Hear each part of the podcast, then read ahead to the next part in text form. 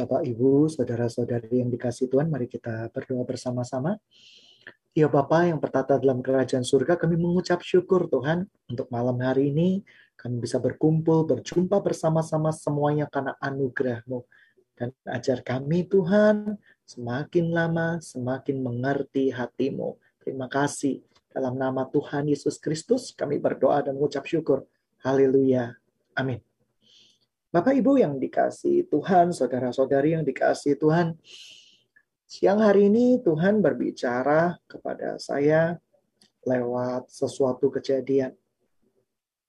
Tuhan berbicara seakan-akan bahwa kalau kita di manusia lama kita ini ya, senangnya ini berbuat jahat, berbuat dosa, berbuat sesuatu yang tidak baik.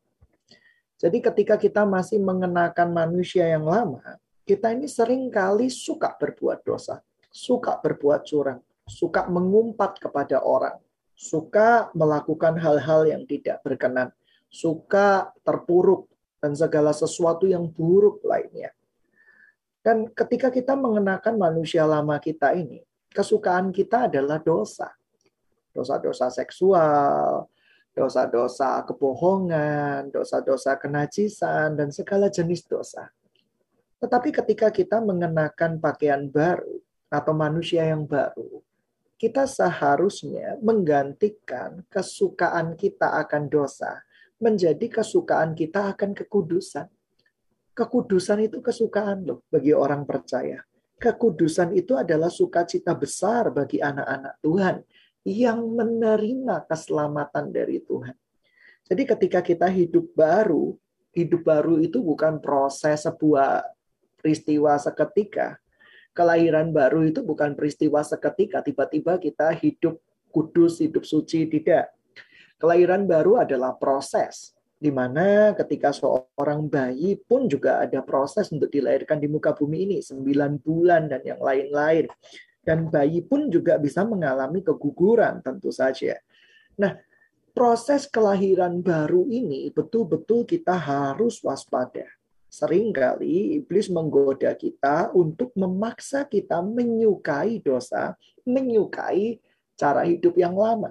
Padahal ketika kita di dalam Tuhan, kita ini adalah ciptaan baru. Kita ini menyenangi perbuatan-perbuatan kekudusan kita menjadi jatuh cinta dengan kebenaran. Kita menjadi ketagihan dengan berbuat benar di hadapan Tuhan. Karena perbuatan-perbuatan yang benar dengan orang-orang yang hidupnya sudah dilahirkan kembali, itu menimbulkan sukacita yang tidak terkira.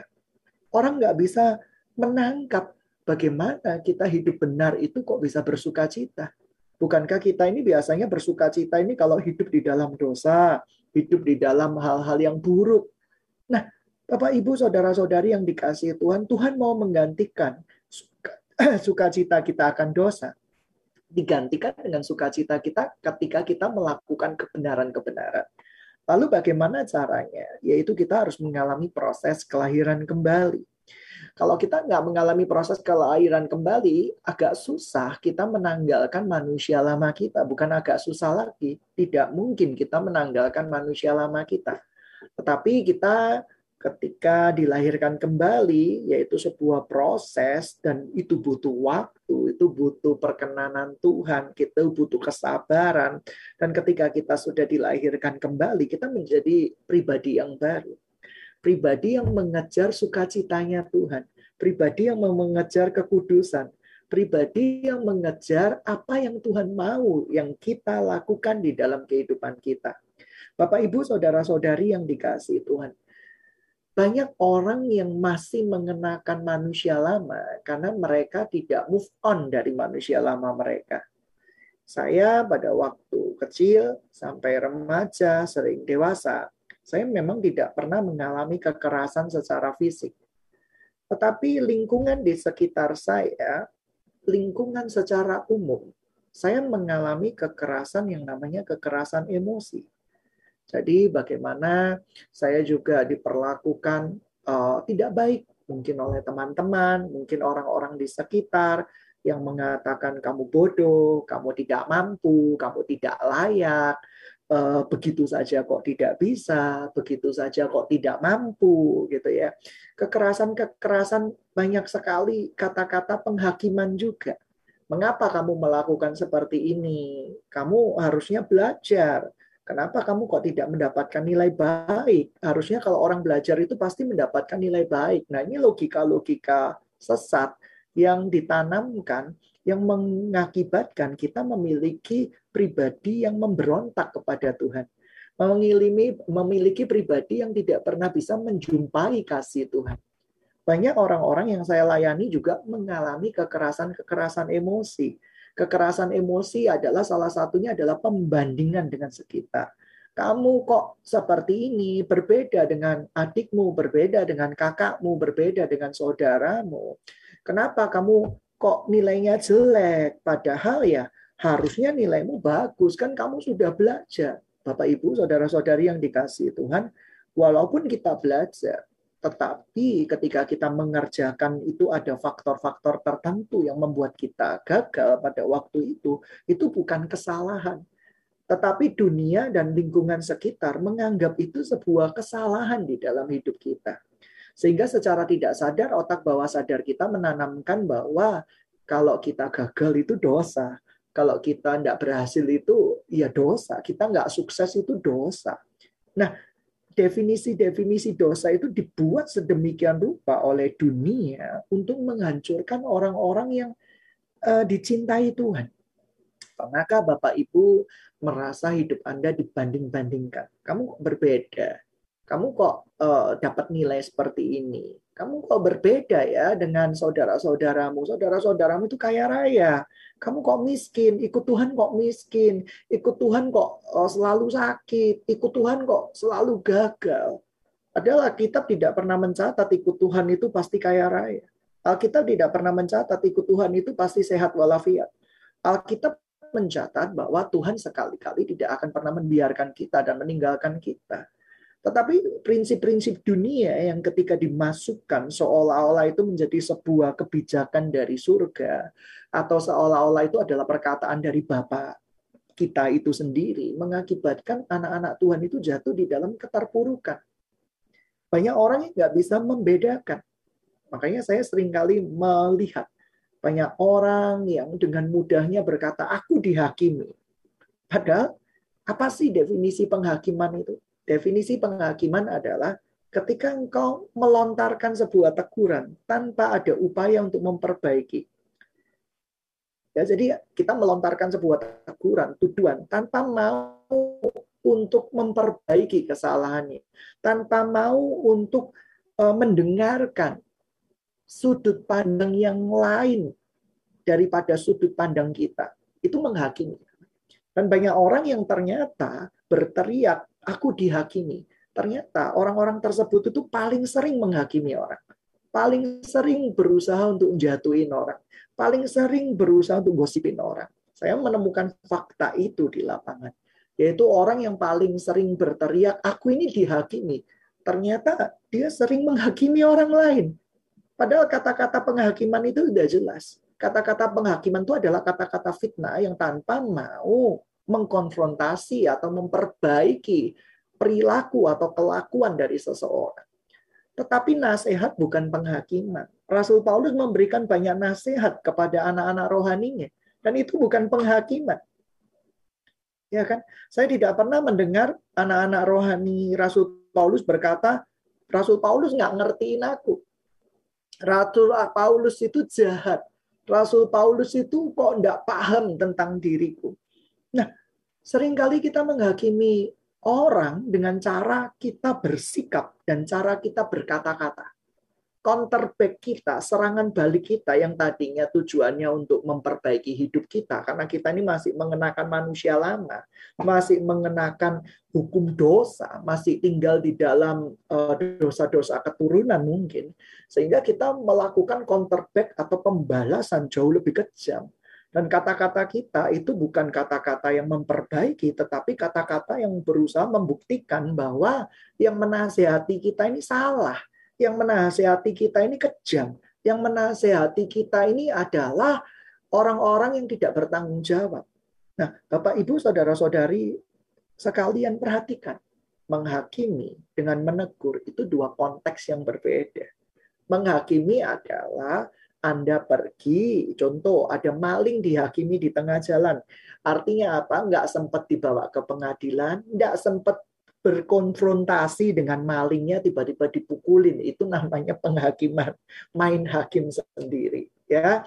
Tetapi kata-kata menghakimi itu sering kali dipakai oleh orang-orang yang memang hidupnya belum pulih. Kamu menghakimi aku. Kamu ber, uh, berniat tidak baik sama aku Nah, sebagian besar seperti itu, tapi sebagian besar juga pemimpin-pemimpin harus introspeksi.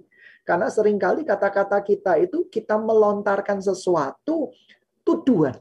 Nah, ini bahaya banget. Tanpa meminta klarifikasi dari orang yang bersangkutan. Itu memang menghakimi. Nah, biasanya orang yang mulutnya sering menghakimi ini masa lalunya nggak baik deh. Dia pernah mengalami kekerasan emosi. Orang yang mengalami kekerasan emosi itu lebih parah daripada orang yang pernah mengalami kekerasan secara fisik. Secara fisik mungkin dia nggak pernah dipukul, tetapi secara emosi dia dilecehkan. Ya kan? Apakah seorang Anda adalah seorang anak yang ketakutan dengan ayah Anda? Ketakutan dengan ibu Anda dulu di waktu masa kecil. Jikalau Anda sering ketakutan dengan ayah dan ibu Anda atau salah satu atau dua-duanya, Anda sudah korban kekerasan emosi sebenarnya Kerban kekerasan emosi ini berakibat cukup fatal ketika Anda masuk di dalam dunia pekerjaan dan di dalam dunia pelayanan. Anda belum selesai dengan diri Anda sendiri. Anda merasa bahwa aku tolong diperhatikan, aku tolong dimengerti, aku tolong dipahami. Bukankah kasih persaudaraan di dalam kekristenan adalah saling memahami? Bukankah kasih persaudaraan di dalam ke kekristenan adalah saling menutupi dosa, saling menutupi pelanggaran. Dan ketika ini tidak dilakukan akan berbahaya sekali. Dan banyak orang yang melayani itu dalam kondisi belum pulih hidupnya. Belum betul-betul pulih hidupnya. Dan dia melakukan kekerasan juga kepada anak-anak yang dibimbingnya. Dia juga melakukan kekerasan juga kepada orang-orang yang memimpinnya. Hati-hati, Bapak Ibu, saudara-saudari yang dikasih Tuhan. Kekerasan emosi itu bisa diturunkan. Dan akibat-akibat dari kekerasan emosi ini, anak menjadi kurang percaya diri. Karena selalu ada kata-kata gitu aja kok nggak bisa. Gitu aja kok nggak mampu. Kamu bukan anaknya papa. Kamu bukan anaknya mama. Dan perkataan-perkataan yang sering seperti itu dilontarkan ketika kita masih berusia kecil, berusia balita, berusia remaja, itu efeknya luar biasa di esok kemudian hari. Kita kehilangan jati diri kita. Anak-anak yang kecil dengan proses logika, dengan proses emosi yang sedang berkembang, tiba-tiba dapat pernyataan bahwa kamu bukan anaknya papa dan anaknya mama jikalau engkau melakukan demikian Padahal secara faktual, dia melakukan dosa, dia melakukan kejahatan, dia melakukan kesalahan. Secara fakta, dia tetap anak kita. Tetapi fakta itu berusaha diputar balikan ketika anak kita melakukan kesalahan yang kecil misalnya. Salah ngambil makanan di minimarket, salah menumpahkan air gitu ya, salah e, menumpahkan apa ya barang-barang yang mungkin milik kita, parfum dan yang lain-lain. Lalu kita marah, kita bentak sama anak kita dengan tambahan kata-kata yang tidak baik. Dan itu mengakibatkan sebuah peristiwa traumatik yang bahkan akan dibawa sampai dia usia dewasa, bahkan usia tua. Tapi ada kabar baik malam hari ini. Jikalau kita percaya kepada Tuhan, dia sanggup memulihkan emosi-emosi yang rusak Emosi-emosi yang rusak itu memang harus dipulihkan, kalau tidak menghambat pelayanan. Menghambat hubungan Anda dengan sekitar Anda. Menghambat hubungan Anda dengan Tuhan juga. Sehingga kita tidak bisa percaya dengan janji-janji Tuhan. Karena kita melihat figur ayah ibu kita di bumi mungkin tidak bisa dipercaya.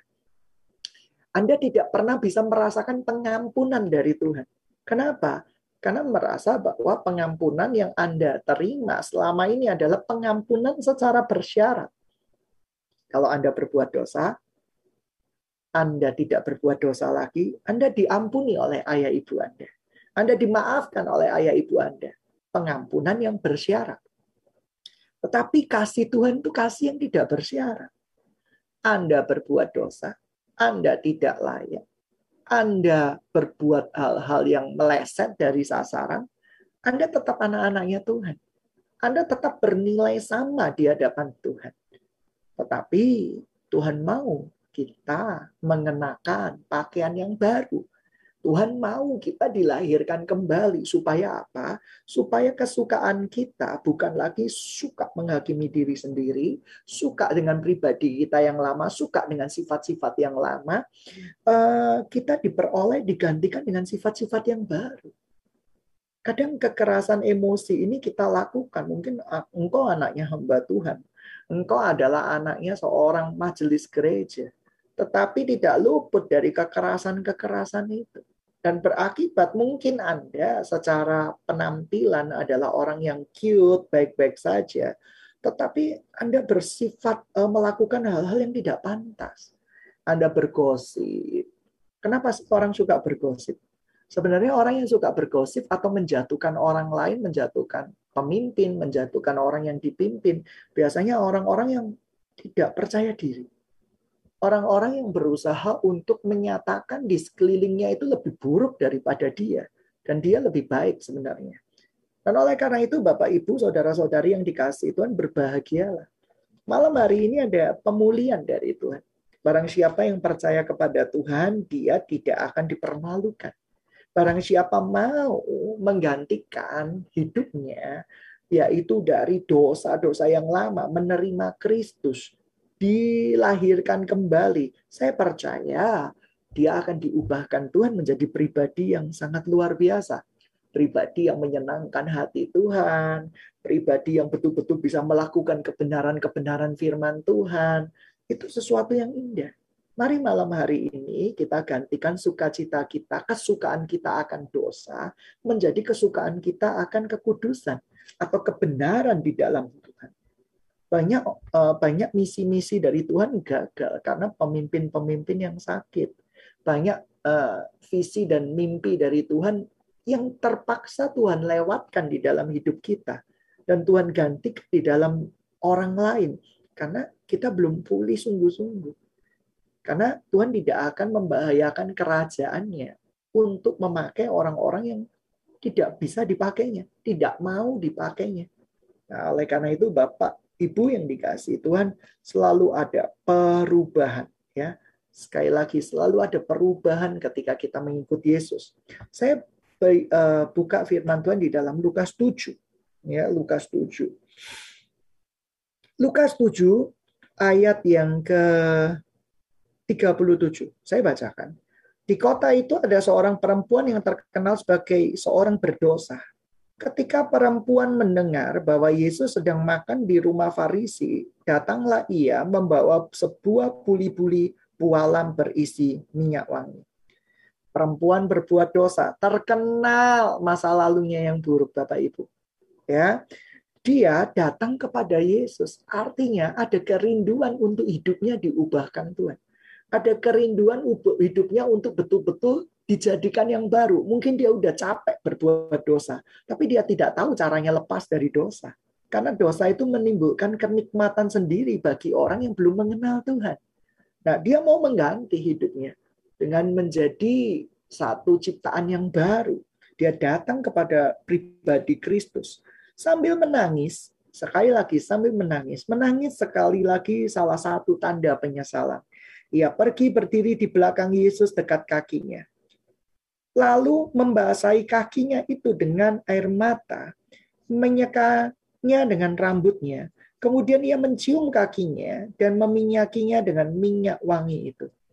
Ini semua berbicara tentang pertobatan yang sejati.